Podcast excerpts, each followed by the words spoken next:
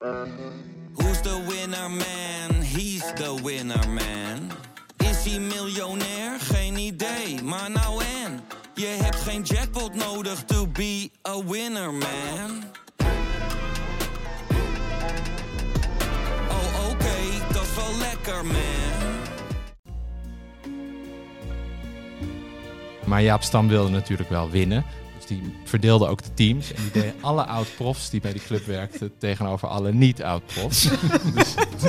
And uh, there used to be a ballpark where the field was warm and green. And uh, the people played their crazy game with a joy I'd never seen. And uh, the air was Goedemorgen, dit is eh, uitzending hoeveel, Pelle? From the hot dog 31 van de Hartgras podcast. Tegenover mij zit Thomas Heerma van Vos, naast hem Frans Tomezen en naast mij zit Suze van Kleef. Eh, dit programma, deze uitzending, wordt mede mogelijk gemaakt door Toto, 18 plus speelbewust. Eh Suze, wat heb je gedaan dit weekend? Ik eh, ben gisteren naar Groningen gereden voor eh Moest je het Groningen verslag doen? RKC, RKC ja. Ben je stilgevallen? Ehm, wel een beetje van het niveau van Groningen, ja. Dat vond ik toch wel schrikken en tegenvallen. En ook geen strijd of overtuiging. Dus het was echt een beetje, ja... Ik, ik sprak Danny Buis na afloop en die wist het eigenlijk ook allemaal niet meer zo goed. Oh, dat is slecht nieuws. Ja, dus die stak ook uitgebreid eh, de hand in eigen boezem. Hè. Misschien moet ik als trainer dan... Ja, doe ik het dan niet goed? En eh, ik vroeg hem van, heb je dan gewoon een rechte? Is dat, het, is dat het probleem? Nou, misschien dat ook. Dus ja, het was een beetje moedeloze sfeer daar. Goh, je zou denken dat als Danny Buis zichzelf gaat zijn langs de lijn, dat het dan eh, minstens knokken wordt in het Ja, maar dat vond ik dus ook het pijnlijke. Dat deed hij dus ook niet. Dus er werd ook niet, hij stond niet langs de kant zoals we hem een beetje kennen. Hè? Dus eh, eh, schreeuwend en tierend en scheldend. En eh, toen hij daar naar werd gevraagd, toen zei hij... ja, ik heb ook jongens, dat moet ik niet doen, want ik, of ik doe het niet... omdat ik jongens op het veld heb staan die snel in de war raken als ik wat zeg. Dus toen Maar- bleef oh ja? hij maar zitten. Maar zo moeilijk kan het niet zijn wat hij zegt. Vol- Volgens mij. Nou, ik vind het ook altijd moeilijk te verstaan, die schreeuwende trainers, moet ik zeggen. Dus ik kan me wel iets bij voorstellen. Dat ze het gewoon niet begrijpen. Wat zegt die man? Ja, dat je net zo goed je mond eh, kan houden als, als eh, trainer, denk ik. Nou, meestal zeggen ze naar voren. Ook dat eh, gebeurde geloof ik niet. Wat zou Simeone zeggen in godsnaam? Daar wil ik me niet aan wagen. Ja, dat zijn krachttermen, denk ik. Wat heb jij gedaan, Thomas? Ik heb zaterdag een voetballoze eh, Crossing Border dag gehad. Dat is eigenlijk het leukste festival van Nederland. Moest je optreden? Ik moest iets presenteren. Ja, en dat eh, nou, moest. Dat vond ik ook eh, erg leuk. Want dat, is een festival met muziek en literatuur door elkaar. Ja. Zeer aan te raden. Mijn zondag was iets minder. Toen heb ik eerst zelf gevoetbald eh, in Amsterdam-Oost bij WVH EDW. Ja. Onnodige penalty weggegeven. Slechte helft gespeeld. Gewisseld in de rust. Toen dacht ik, dat ga ik van me afkijken met Ajax. nou ja, om, eh, om dat onderwerp meteen maar af te vinken. ja. Eh, nou, en nu zit ik hier. Dus de zaterdag was beter dan de zondag. Crossing Border, daar hebben wij ook wel eens opgetreden. Hè? Weet je In niet? de begintijd, ja. Ja, nou, toen het in een paar jaar in Amsterdam was. Oh ja, ja. Eh, Louis, hoe heet hij ook alweer? Beren. Louis Beren, ja. Ja. ja. is hij er nog steeds? En, Ja. En, en zijn zoon Michel Beren, die eh, bestiert het nu allemaal. Oh ja, ik weet nog dat we toen eh, heeft Joop Visser bij ons opgetreden met een liedje over Johan Cruijff. Heel erg leuk. Dat kan jij je niet herinneren. Nee, ik kan me niet meer herinneren. Ja. was in de Melkweg, dacht ik, hè? Eh, was het Melkweg? Zou kunnen. Ja, of Paradiso misschien. Nee, Melkweg. Klopt. Ja. Eh, nou ja, eh, ik heb eh, denk ik veel gekeken.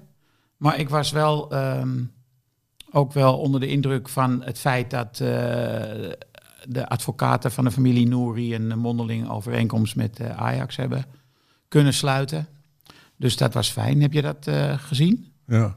Nee, ja, dat heb ik gelezen dat dat zo is. Maar ik, dat is toch die presentator van Op één, of de, is het een advocaat of niet? Nee, dat was de woordvoerder van Oh, de familie Nouri. Nee, dit is het letselschade bureau van John Beer en Lucas Hoogling.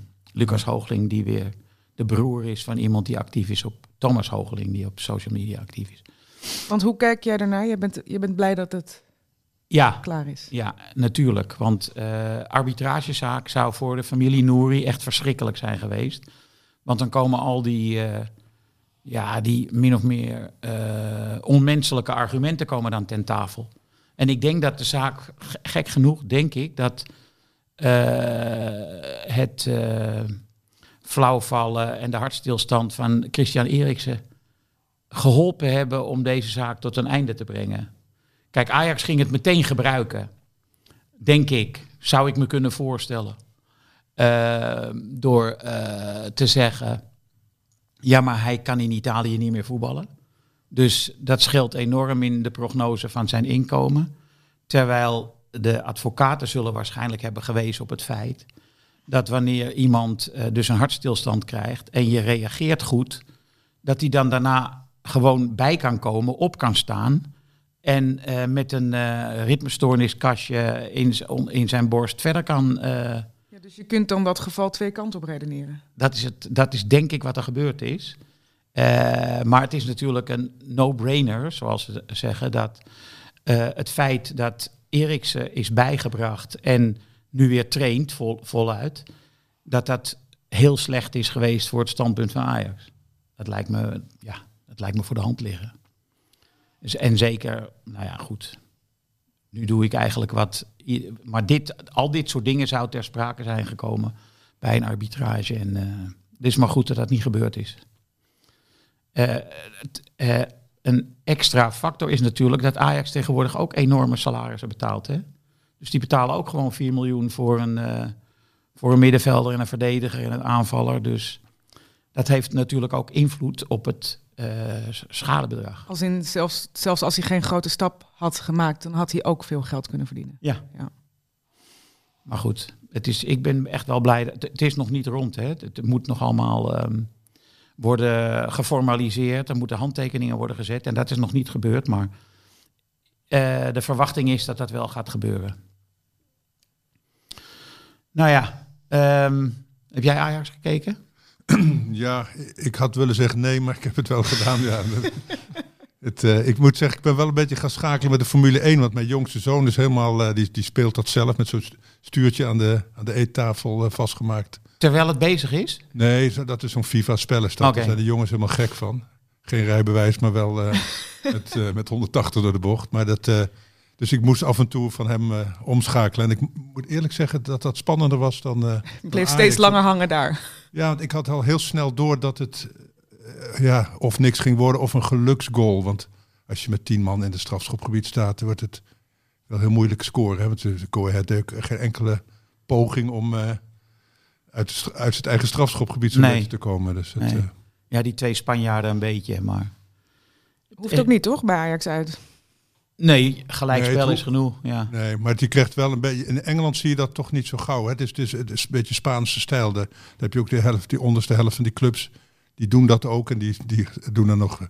Hè, dat eh, schoppen erbij en, eh, en over de grond rollen. Dat deed Go Ahead dan met, eh, met mate, zou ik maar zeggen. Dus, dat, dus in die zin valt het nog mee. Maar het is wel een ontwikkeling die je gaat krijgen natuurlijk in Nederland. Als het verschil zo groot wordt tussen de top en de, nou ja, de degradatiekandidaten. Krijg je daar eens de helft van die, top, van die wedstrijden van die topploeg alleen maar dit soort eh, gedoe. Daar is ook, ook niks meer aan eigenlijk. In Europa is het Ajax nog niet overkomen. Nee, omdat ze denken te kunnen winnen. Kijk, als jij met de intentie gaat voetballen dat je toch niet kan winnen, heeft iets raars. Betekent dat het verschil zo groot is dat je eigenlijk niet in één pool hoort. Ja. Dus dat pleit dan weer voor een Super League of weet ik wat. Ik weet, mijn zoontjes hockeyen dan. En daar wordt voortdurend gepromoveerd en gedegradeerd om te voorkomen dat die krachtsverschillen te groot zijn. Want er is geen bal aan als eh, het ene team of met 12-0 wint of hè, van de hele competitie alles verliest. Doen ze bij het voetbal toch ook? eh, bij de jeugd? Dat je eh, na de winterstop eh, wordt dat er een herindeling plaatsgrijpt? Volgens mij wel hoor. Ja. Maar, Maar- dat, dat zou je dus bij de Eredivisie ook moeten doen. Als Go Ahead te kennen geeft, we kunnen toch, eh, toch niet winnen. Ga je lekker in een, in een soort andere competitie verder. Maar als Ajax moet je toch gewoon in staat zijn om eh, daar iets aan te doen. Hè, aan zo'n ben ik tegenstander. ook met je Ik eens. bedoel, ik snap Go Ahead wel. Je gaat toch als, nee, als je naar Cambuur kijkt, die kwam gezellig voetballend eh, daar naartoe. Ja, ga je er met 9-0 af? Nee, ik snap het wel. En Ajax zal er ook wel iets op vinden. Het is natuurlijk nu een nieuwe ontwikkeling. Ajax is dit jaar zo sterk dat iedereen van tevoren al op de, op, op de rug gaat liggen. Hè. Dat wordt ook in de media natuurlijk ver- versterkt. Dat Ajax is te goed voor Nederland. Ja, dan, dus Ajax zal nu iets moeten verzinnen om dat soort eh, muren te slopen. En dat gaat ook wel gebeuren natuurlijk. En dan moet je in ieder geval betere koppers hebben om te beginnen, zou ik zeggen. Ja, die kopbal van Davy Klaassen was niet zo slecht. Die op de paal Nee, kwam. maar die Haller die had wel die hele mooie kopgoal tegen Dortmund. Maar verder is zijn kopkwaliteit nou niet zo... eh, dat je denkt van gooi hem hoog voor en dan kopt hij maar wel in. Dat, eh. Ik vond het leuk dat jij dat zegt van ik schakelde naar Formule 1. Ik heb de kijkcijfers even gezien. 350.000 mensen keken naar Ajax. 1,7 miljoen mensen keken naar Ziggo, naar de Formule 1. Maar dat is zorgwekkend voor het voetbal.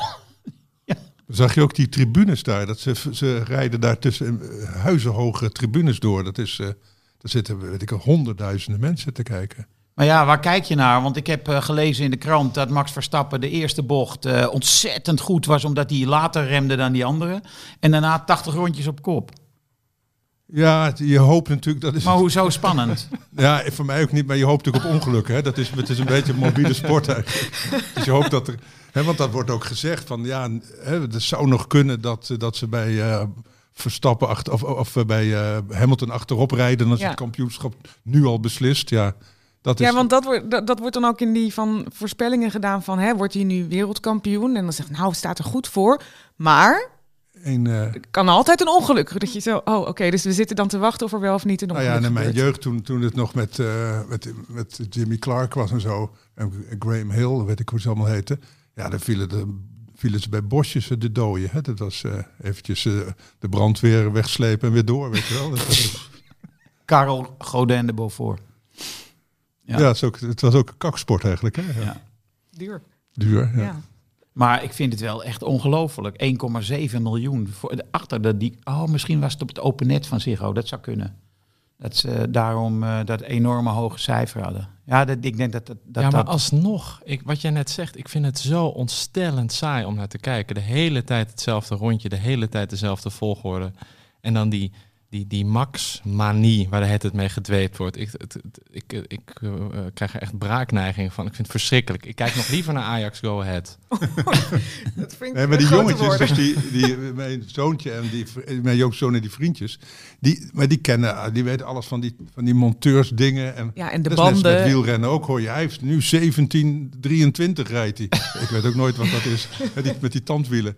En, en zij hebben dat met banden en met eh, wanneer stop je en eh, eh, wat, wat is de downforce. Ik weet nog niet eens wat het is. Maar al die soort dingen. Daar zitten zij dus voortdurend over te, te debatteren. Dus ze zetten allemaal technisch eh, snufjes aan die zij dan leuk vinden.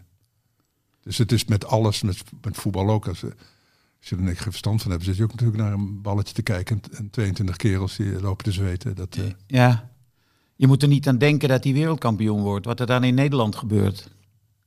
Wat gebeurt er dan, Henk? Nou, ik denk op de snelwegen kan je je niet meer vertonen. Iedereen gaat plankgas. Een rondvaart? In elke... nou, zeker een rondvaart. Ja. Maar iedereen... eh, hij is een PSV-fan, hè? Dus het zal een eh, platte kar worden, denk ik. Ja. Eh, en dan hebben we natuurlijk eh Dessers. Voor de derde keer in een week dat hij in de 92e minuut de beslissende maakt. Dat is wel bijzonder. Dat heb je het, heb, bijzonder heb je het kunnen zien? Oh nee, jij zat in Groningen. Zag jij het? Studio Sport zag ik. Dus Ja. niet live. Maar ik zag hem. eh, ik zag wat er toe deed, geloof ik. Eerst die, eh, die wonderlijke misser, die hij zelf nog vrij eh, goed lachs uitlegde achteraf. Dat het veld, dat het niet goed stuiterde of zoiets. Maar goed, dat was allemaal irrelevant. Want inderdaad, eh, eigenlijk gewoon een lucky. Via het been van eh, die Griekse verdediger van AZ, Hatsidiakos, toch? Ja. Ehm, Ik weet niet of het een lucky was. Nee. ik had het idee dat het een redelijk bewust was. Vind je het knap dat hij door de, door de benen speelt? maar hij werd toch gewoon van richting veranderd? Ja, maar alsnog was het wel de juiste richting in. Hij ging nog verder de hoek in door dat been. Maar volgens mij eh, ik had was hij er anders hij ook wel helemaal de andere kant eh, opboog. Nee, nee, nee. Hij schoot hem echt met zijn, binnen, met zijn Ja. binnenkant in de korte hoek. Ja. Ik Ja, had het idee dat de keeper daardoor op het verkeerde been stond. Nou dat kan. Dat, die, ja, dat zou kunnen. Maar het zag er wel redelijk bewust uit. Maar ik dacht, het is maar goed dat hij er eentje maakt. Want Anders dan zouden de supporters dus de schuld zijn geweest van het feit dat hij die bal miste. Want zij gooiden dat hele veld vol met rommel. En het was een aansteker die die, eh, die, die stuit verhinderde. Dus die is door Feyenoorders op het veld gegooid. Ja, wat dan? Dan sporen ze die jongen op. Die moet dan in eh, Panama gaan leven of zo. Was Ja. dat het? Want ik, die, Ja. die aansteker heb ik even gemist. Jazeker. Ze gooiden het eh, de hele Ik heb eens een documentaire gezien met honkbal inderdaad. Zo- Zo'n jongen een bal met een, met een ehm, home run bij de Voorkomt. verre muur vangt voordat hij eh, verre velder hem kan vangen. Die jongen die heeft eh, geen leven meer gehad. Die heeft moeten onderduiken. En de, want die, heeft die, die, die wedstrijd was een play-off geloof ik ook. eh, beslist over het lot van een club. En hij dacht gewoon leuk, ik vang die bal in een reflex, weet je wel. Ja, ik herinner me dat ook. Volgens mij is dat gewoon ook uitgezonden. Ja. Ja, Ja, Maar ja, dat- dit had ook Dus twee deze- punten kunnen deze- schelen, deze, eh, inderdaad. tevreden roker, of ontevreden roker eigenlijk, want hij gooit zijn aansteker weg. ja. Die kan nog eh, wat verwachten misschien. hij had nog tien aanstekers hè, om te gooien. Maar deze was eigenlijk al genoeg. Ja.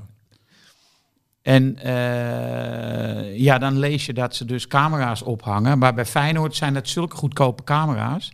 dat die kunnen gezichten niet herkennen. Oh, top. Wat, wat wel? Ja, misschien Vormen? Schimmen? Of- Voorwerpen. gestaltes. ja, ik weet het niet. Maar ik las dat in een stuk in de, naar aanleiding van eh, vuurwerk, vuurwerk gooien.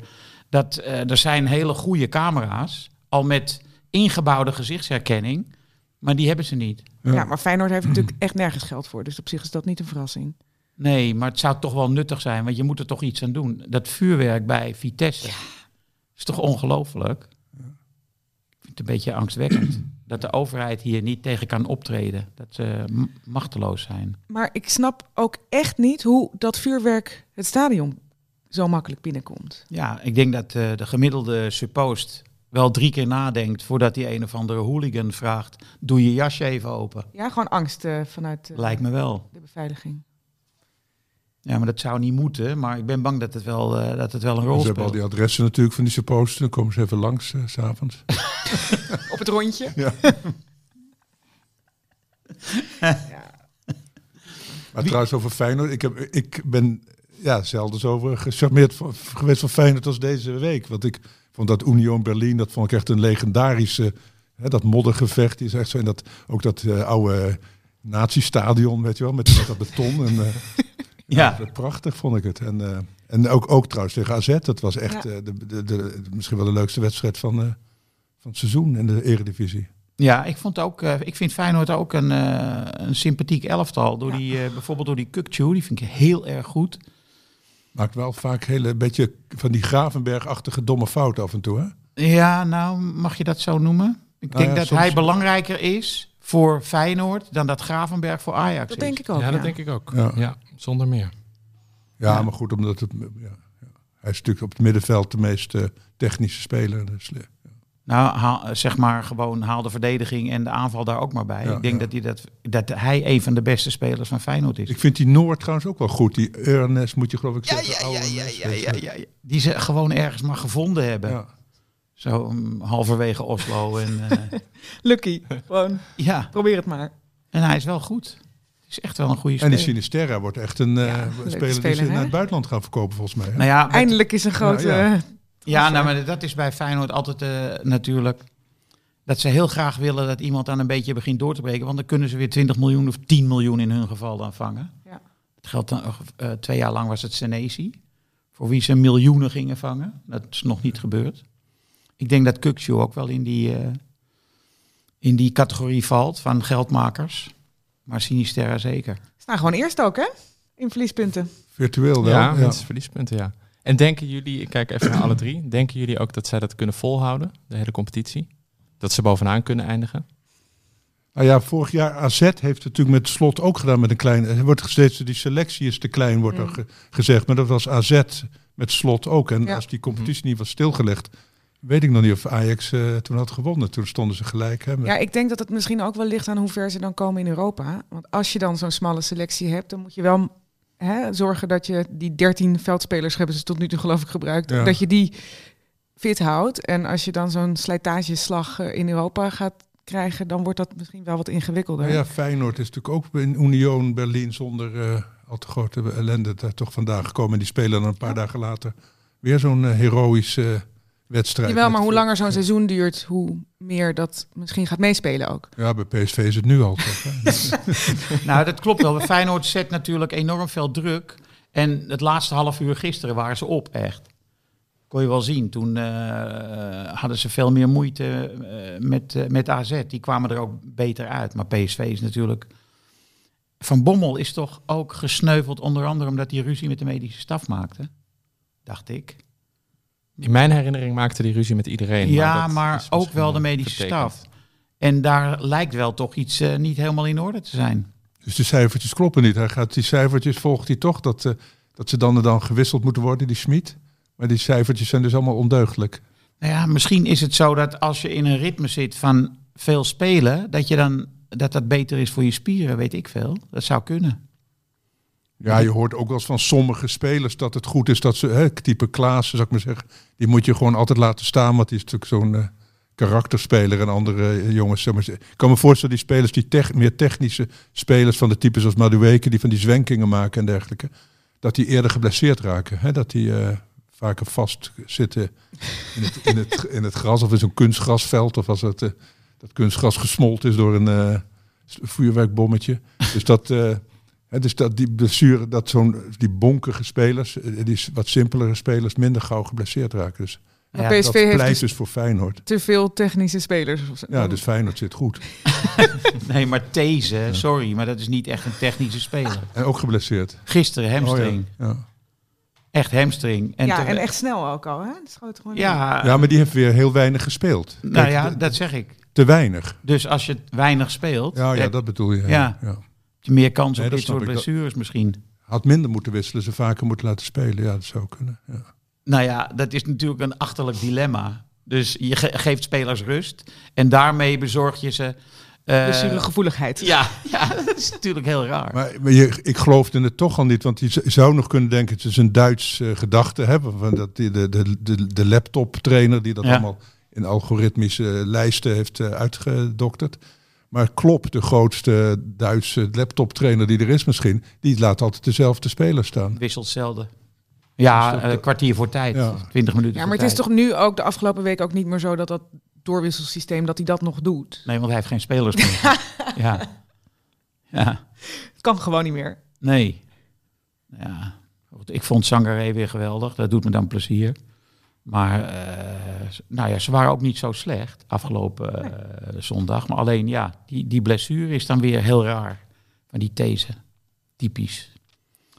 Thomas, jij hebt in de komende Hartgras ehm, een verhaal over Cincinnati. Ja, Eh, Jaap Stam, Ron Jans, et cetera. Ja. Zou je daar iets over kunnen vertellen? Ja, graag. Want dat, dat, is, dat is een verzameling, nou, deels anekdotes en, en, en, en een reportage vanuit mijn bureaustoel.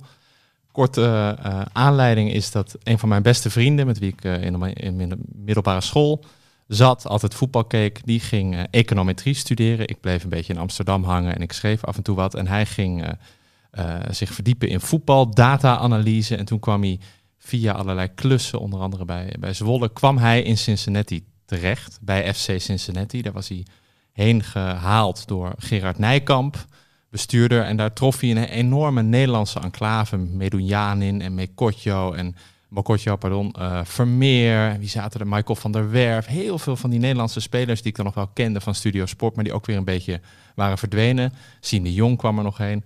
Nou, en daar ging hij de, de daar werd hij manager eh, van de datazaken, ehm, van de data-analyses. En dan moest hij de hele dag rapportjes schrijven. Eerst voor Ron Jans, later voor Jaap Stam. En ehm, hij heeft me daarover verteld. Ik kon er dus niet heen door corona, dus ik heb het, eh, het reportage-element er een beetje bij moeten bedenken. Maar hij vertelde daarover en mijn mond viel eigenlijk permanent open. Want nou, hij schreef heel vlijtig aan die rapporten en dan ging hij scouten eh, welke spelers het best zouden passen in welk systeem, met welke cijfers. Nou, ook een soort, eh, soort laptop trainer, maar dan een laptop analyticus. En vervolgens ehm, werd eigenlijk permanent het, het oude netwerk van de bestuurders en van de trainers eh, gebruikt. Dus Jaap Stam die nam die rapporten dankbaar in ontvangst, legde ze vervolgens neer en dan haalde die, eh, haalde die iemand die die nog kende van Zwolle. En ja, Ja, de- de- al, al de kleine dingetjes die hij vertelde. eh, en die dus ook in hard gras staan. Want ik vroeg het het aan Alexander, zoals die vriend van mij heet. Van, mag ik dit echt opschrijven? Weet je het zeker? Want hij werkt nog in de voetballerij. Maar hij is ook weg bij Cincinnati. Hij zei, ja prima, schrijf maar op. Bijvoorbeeld dat Jaap Stam eh, direct na zijn eh, aanstelling... een heel groot scherm op het complex van FC Cincinnati wilde plaatsen. Zodat de mensen van het eerste team werden gescheiden van de andere medewerkers. Dus een fysiek scherm, waardoor ook die Alexander... die kon het eerste eigenlijk dan nooit meer zien. Eh, en dat was ook nog in coronatijd, waardoor iedereen totaal afgezonderd van elkaar raakte. Vervolgens had zelfs Jaap Stam, die in de verhalen van mijn goede vriend een beetje een eh, desolate en op zich, in zichzelf gekeerde indruk wekte. Die had, zelfs hij had wel door van ah, de, de, de teambuilding kan beter. En toen had hij een all-staff game bij FC Cincinnati geïntroduceerd. Dus dat het personeel eens per twee weken op vrijdagmiddag op het trainingsveld daar tegen elkaar zou gaan spelen. Ehm, maar Jaap Stam wilde natuurlijk wel winnen. Dus die verdeelde ook de teams. En die deed alle oud-profs die bij die club werkten tegenover alle niet-oud-profs. dus toen stond mijn voormalig klasgenoot stond ineens op een grasveld tegenover Jaap Stam. en, en zijn eh, trouwe assistent, uh, Bakali heet hij. Ja, Eh, Bakali, zeker Heerenveen, geloof En ik. nou ja, uiteraard won, wonnen de oud-profs nagenoeg altijd. Want die waren voor het gemak ook zelf de scheidsrechter. dus bij alle, alle twijfelgevallen gingen zij door. En die, die vriend van mij zei ook dat als hij duels met Jaap Stam moest uitvechten... dat het dan was alsof hij tegen een muur opsprong. Echt niet van de bal te krijgen. En één keer lukte het hem toch geniepig om Jaap Stam de bal te ontfutselen. Hij, hij wist zelf ook niet precies hoe het hem gelukt was. En, en binnen twee tellen lag hij volkomen gestrekt in het gras. hij voelde noppen op kniehoogte. En Jaap Stam had, had de bal weer teruggepakt. En die zei gewoon doorvoetballen. Ja. Ja, dat, dat was de Ja, opstaan. En toen daarna was Jaap Stam ook nog een beetje pissig op hem. Eh, want hij vond dat hij zich aanstelde. En, eh, Oh ja. nou ja, al, al dit soort verhalen eh, hij had, er, had er legio. En ik dacht, het, het, mijn god, dat een club waar zoveel geld in omgaat. Want, want die spelers die ik net noem zijn niet de bekendste. Maar er gaat echt ontzettend veel geld in om. Eh, Locadia, die, eh, die heeft daar ook, eh, ook gespeeld. Nou, heel veel spelers van wie ik ook wel heb gedacht, nou, die, daar zit, die kunnen echt wel wat. Die, die eindigen daar. Ik heb een paar wedstrijden gezien. Echt verschrikkelijk slecht. Echt verschrikkelijk slecht. En hoe amateuristisch dat dan wordt geleid. Allemaal old boys network, willekeur. eh, een zaakwaarnemer die nog eens iemand oppert. En dan wel een, een spiksplinter nieuwe accommodatie. En dat is allemaal goed geregeld. Nou ja, en, en boven dit alles, ik kan er nog veel langer over doorpraten, maar boven dit alles, en eh, alle Nederlanders die daar hebben gewerkt zijn eigenlijk alweer vertrokken. Die vriend van mij woont weer in Amsterdam. Daar hangt eh, dat- een hele rijke Amerikaan, Carl Lindner III. Die heb ik natuurlijk ook even gegoogeld. Een parelwit gebit. eh, helemaal gebotox gezicht. Het huwelijk van zijn zoon was Donald Trump, guest of honor. nou, en die, dat is een miljardair, de rijkste man van Cincinnati of een van de rijkste. En het maakt hem duidelijk helemaal geen bal uit wat er met die club gebeurt. Want één, ze kunnen niet degraderen. En twee, die competitie, dat heeft ermee te maken, is afgesloten. Dus een Ja. club wordt alleen maar meer waard. Het is een Ja. franchise. Ja. Dus eigenlijk zijn al die Nederlanders, of ze het nou goed doen of heel erg slecht. De meeste doen het, lukken daar niet. Het maakt allemaal niet zoveel uit. Ze zijn een speelbal van een miljardair die alleen maar rijker wordt. Ja, dat, eh, zeg maar, die opvatting van Jaap Stam om alles wat, waarover is nagedacht meteen in een la te leggen, is dat niet tekenend voor de hele voetbalwereld eigenlijk? Ik kreeg wel de indruk dat er heel erg ouderwets wordt gedacht. En dat er, ehm, nou ja, er zijn ook clubs die wel veel met data doen natuurlijk. En dat, dat is ook een verhaal dat al eh, nou, vijf à tien jaar dat je steeds vaker hoort. En dan heb je ook voorbeelden. Eh, nou, Liverpool, club kwam, Klopp kwam net ter sprake. Dat is daar ook een goed voorbeeld van. Maar over het algemeen is het echt schrijnend dat contrast tussen de, de enorme bedragen en belangen tegenover hoe armetierig zo'n selectie wordt samengesteld. Ja. Dus ja, dat is volgens mij wel tekenend. Jaap Stam eh, had eh, een verlichte trainerscursus gekregen hè, van de KNVB. Was Ja. maatwerk, dacht ik. Ja, Want hij kon niet tegen een klaslokaal. ja. Daar werd hij dan fobisch van, van die vier muren. is een beetje wat Snijdertje eigenlijk eh, voor ogen stond, volgens mij. Ja.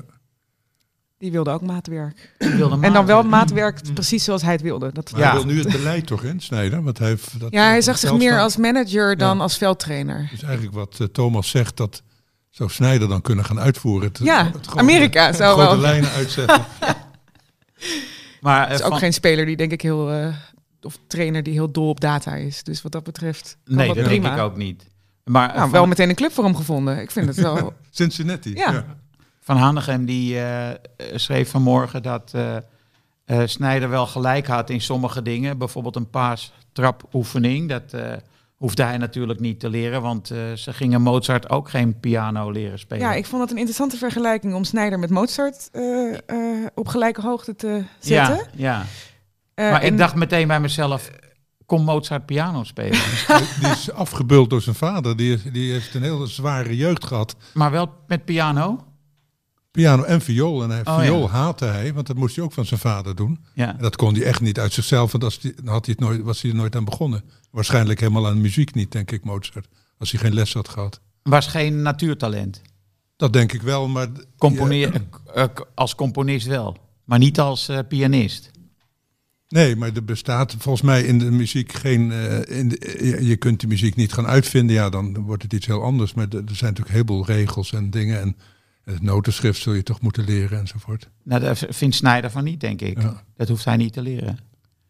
Want dat, eh, dat heeft hij in zijn actieve carrière, dat soort dingen heeft hij allemaal al hij heeft toch genoeg muziek gehoord in zijn carrière. Dus Nou ja, hij weet ja, prima ja, hoe hij dat ja.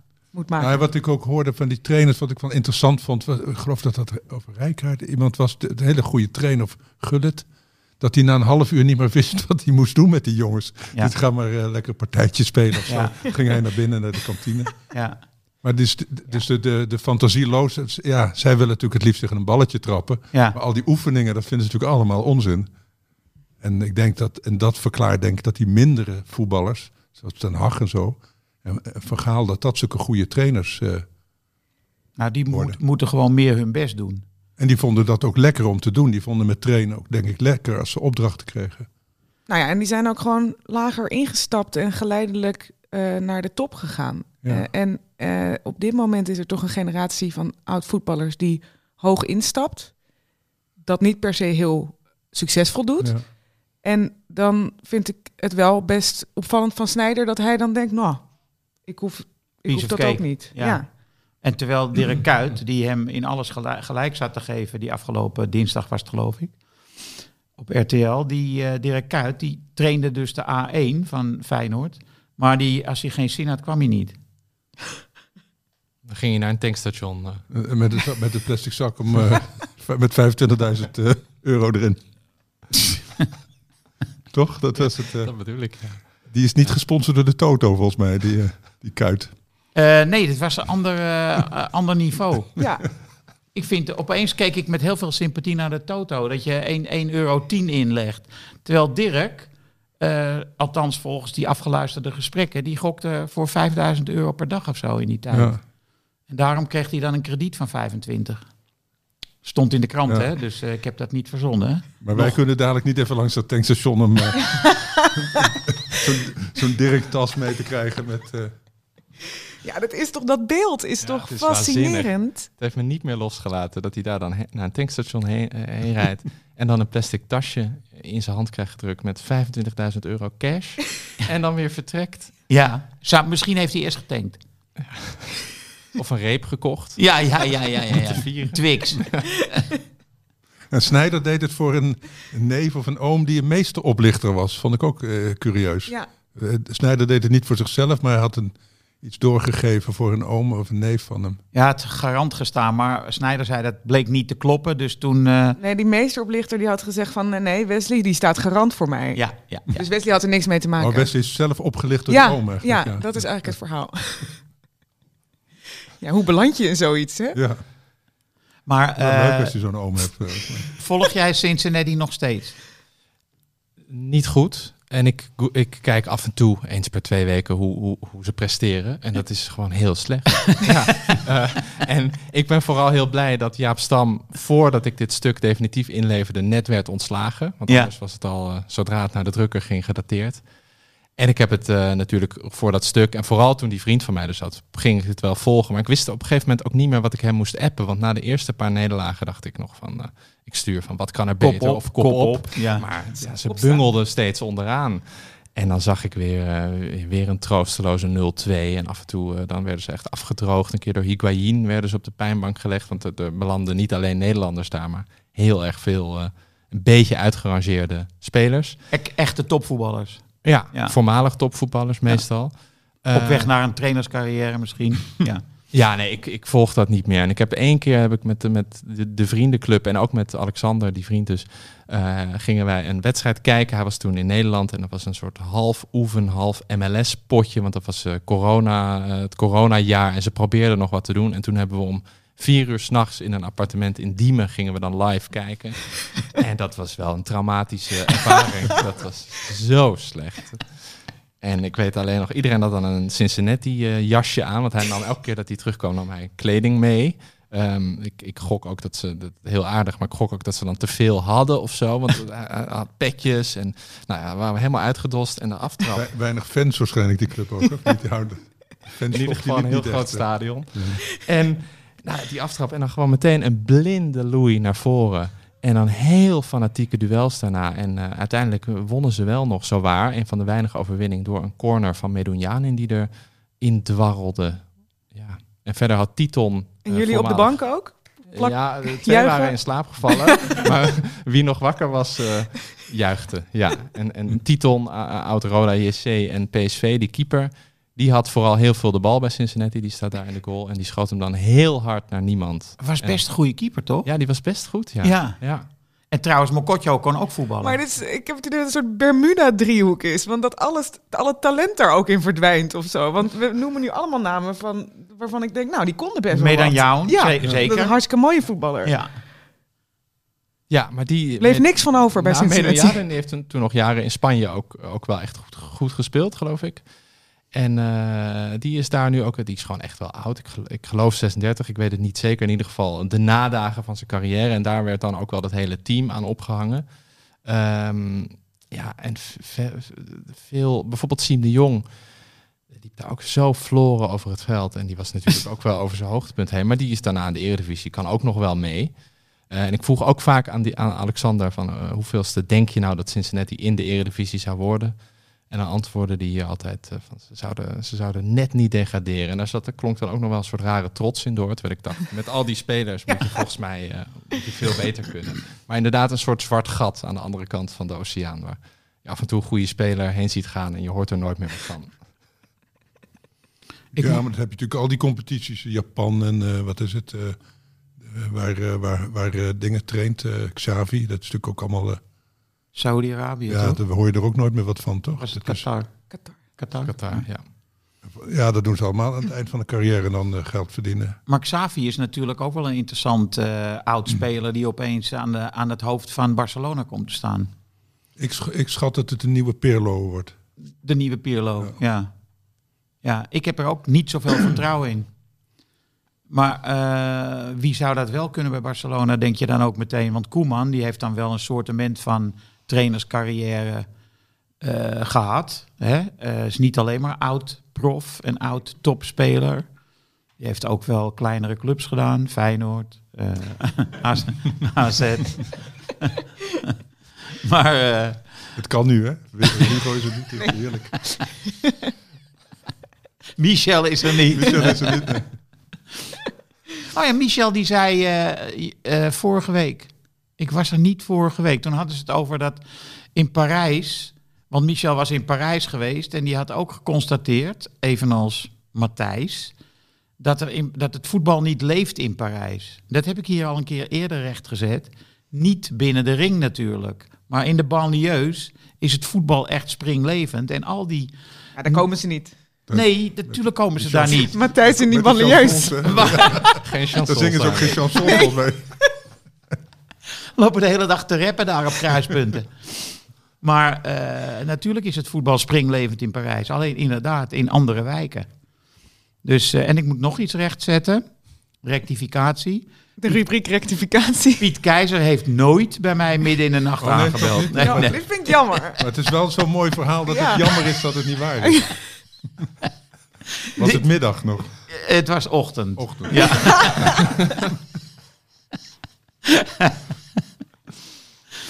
ja. Maar over... Maar je mocht het niet verder vertellen. Behalve Nou, ik heb er een heel groot stuk in het parool over Oh, ja. geschreven. dus dat heeft de publiciteit wel gehaald. Maar ehm, eh, we hebben het nog helemaal niet gehad. Oh, we moeten de, even de toto doen. Laten we dat eens even doen. Eh Suus, wie speel jij? Ik, ehm, als ik even naar de uitslagen kijk, dan eh, speel ik Hugo. En jij speelt Hugo, Matthijs. Ik ben vaste Matthijs-speler. Eh, Frans is Matthijs. En jij bent dan automatisch Frank. Ja. Thomas. Eh, Montenegro, Nederland. Ik eh, moet beginnen, zie ik daar. Ik zeg 1-3. Matthijs? 0-2. Hugo 04. En Frank zegt 1-4. Oké, en dan hebben we Duitsland-Liechtenstein. Ik zeg 6-0.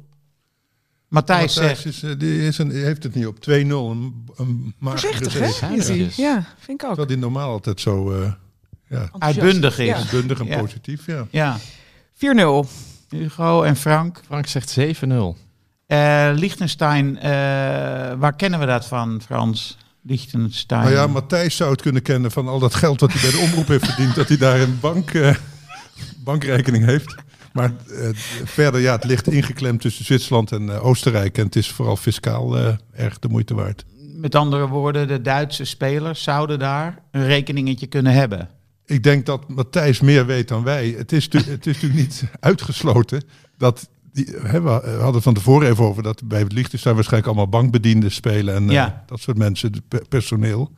En eh, dat die meer weten van die Duitse spelers dan hun eh, lief is. Ja, En dat er misschien wel wat onderhandeld wordt. eh, in het veld tijdens de wedstrijd. ja, Ja, Dat iemand eh, per ongeluk een rode kaart moet pakken van de bankbedienders die Ja. voor Liechtenstein spelen. dat er anders een, eh, een, een, een Panama-rekening, eh Panama-lijntje wordt geopenbaard. hè.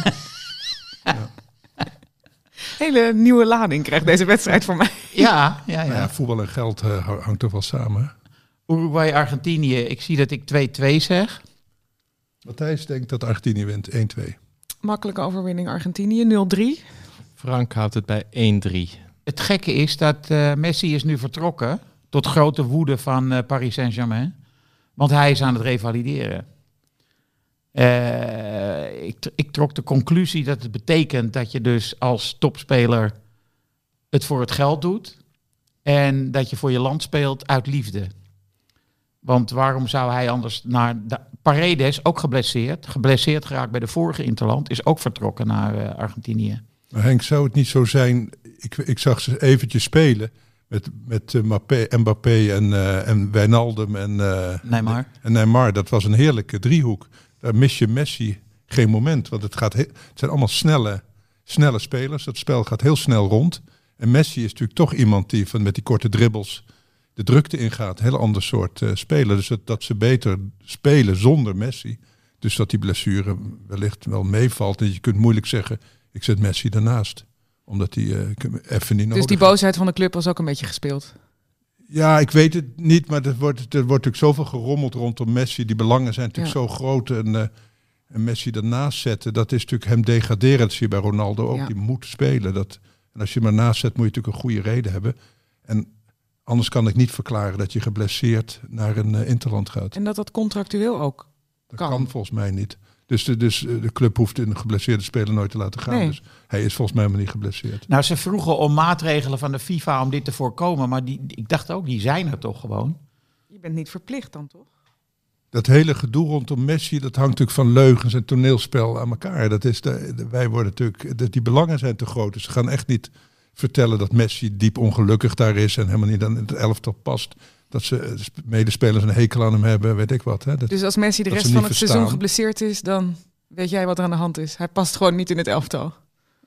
Ja, wat ik ervan gezien heb, Ja. past hij er totaal niet. Het is net alsof je naar een, alsof hij erin gemonteerd is of zo met een soort eh, Photoshop. Photoshop. Het, het, het, het- het slaat helemaal nergens op. Dat shirt past hem niet. Het, lijkt helemaal, het is geen gezicht, vind ik. Het is één ding staat wel vast. Een Messi wissel je niet.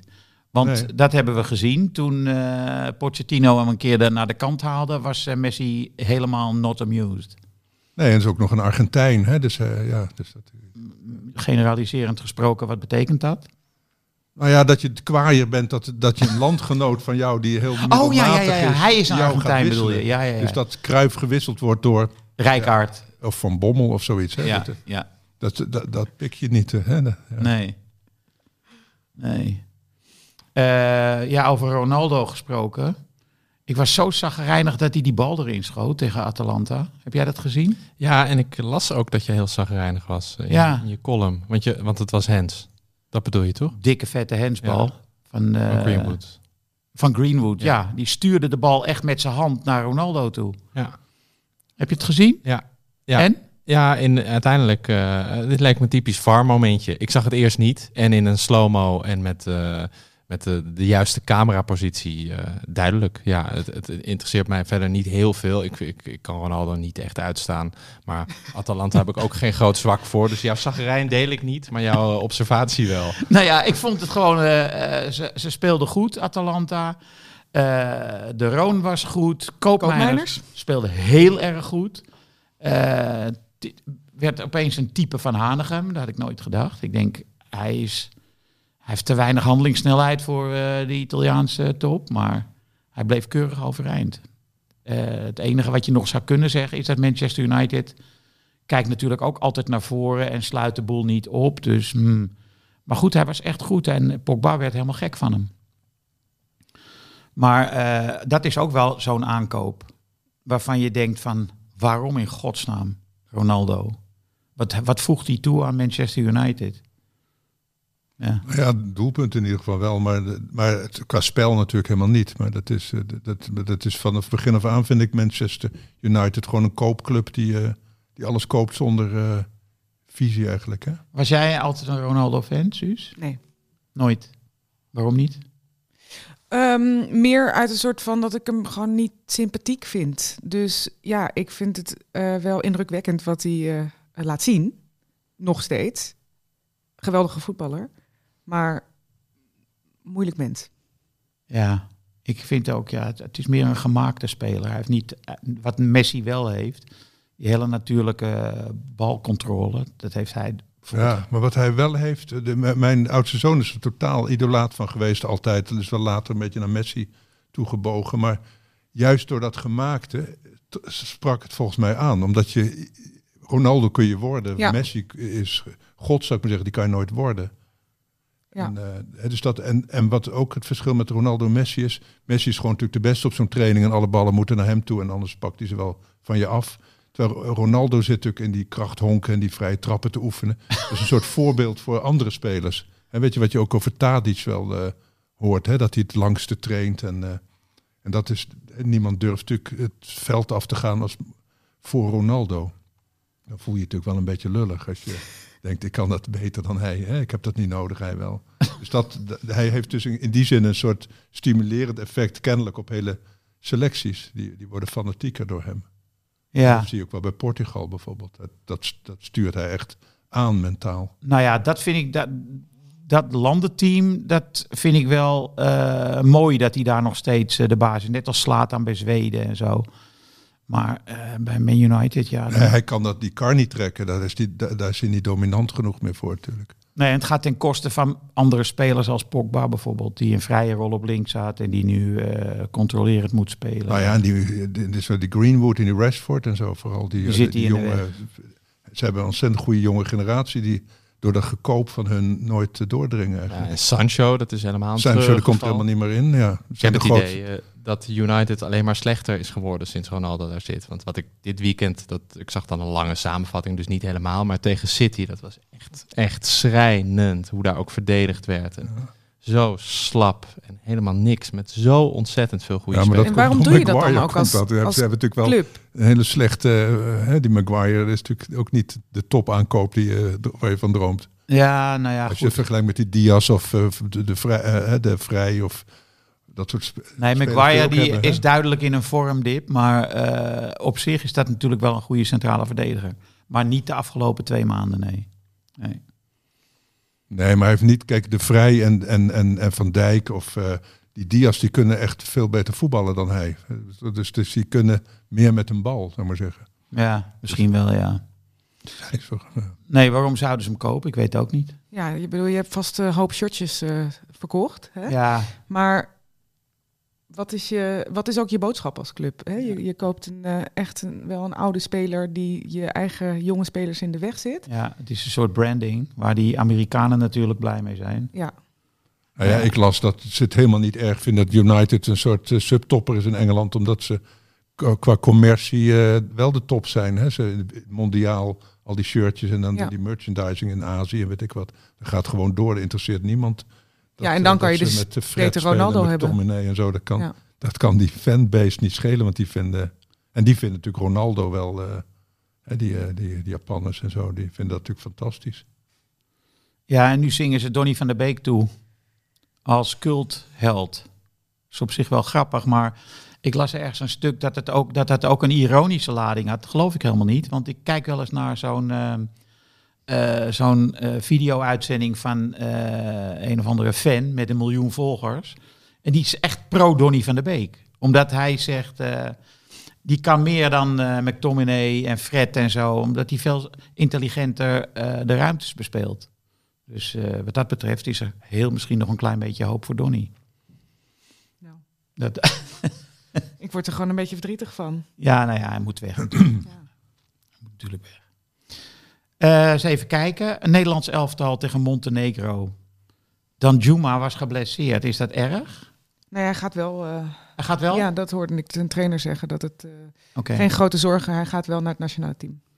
En Van Gaal die kapitelde iemand omdat, eh, omdat hij eh, vroeg van ga je dan Juma niet selecteren? Heb je het gezien? Oh, jij denkt dat wij dat helemaal niet volgen? ja. Maar ik, ik vond dat hij geweldig speelde in die wedstrijd. Wat was het? Afgelopen keer? Ja.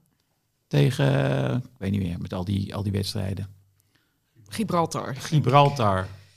Ja, het is wel een team waar je eh, makkelijk tegen uitblinkt misschien. Nou ja, als je het hebt over Go Ahead. Het is eigenlijk Ja. Gibraltar en Go Ahead is een beetje hetzelfde soort voetbal. Ja. Dus dat is, in die zin eh, is het wel knap. Dus, Ja, ik vond het gewoon heel dat je leuk. met eh. 6-0 wint. Ja, nee, hij is beter dan Darami.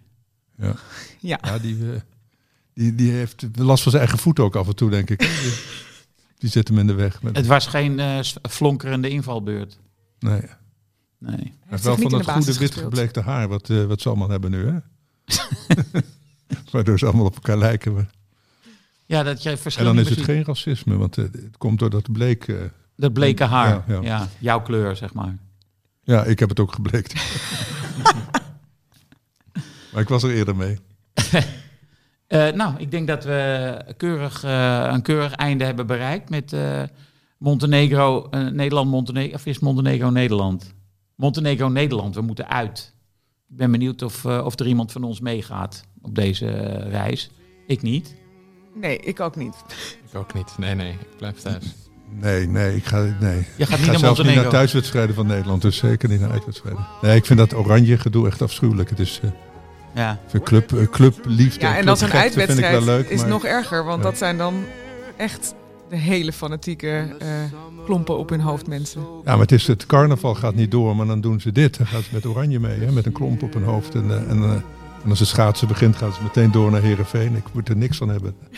Yes, there used to be a ballpark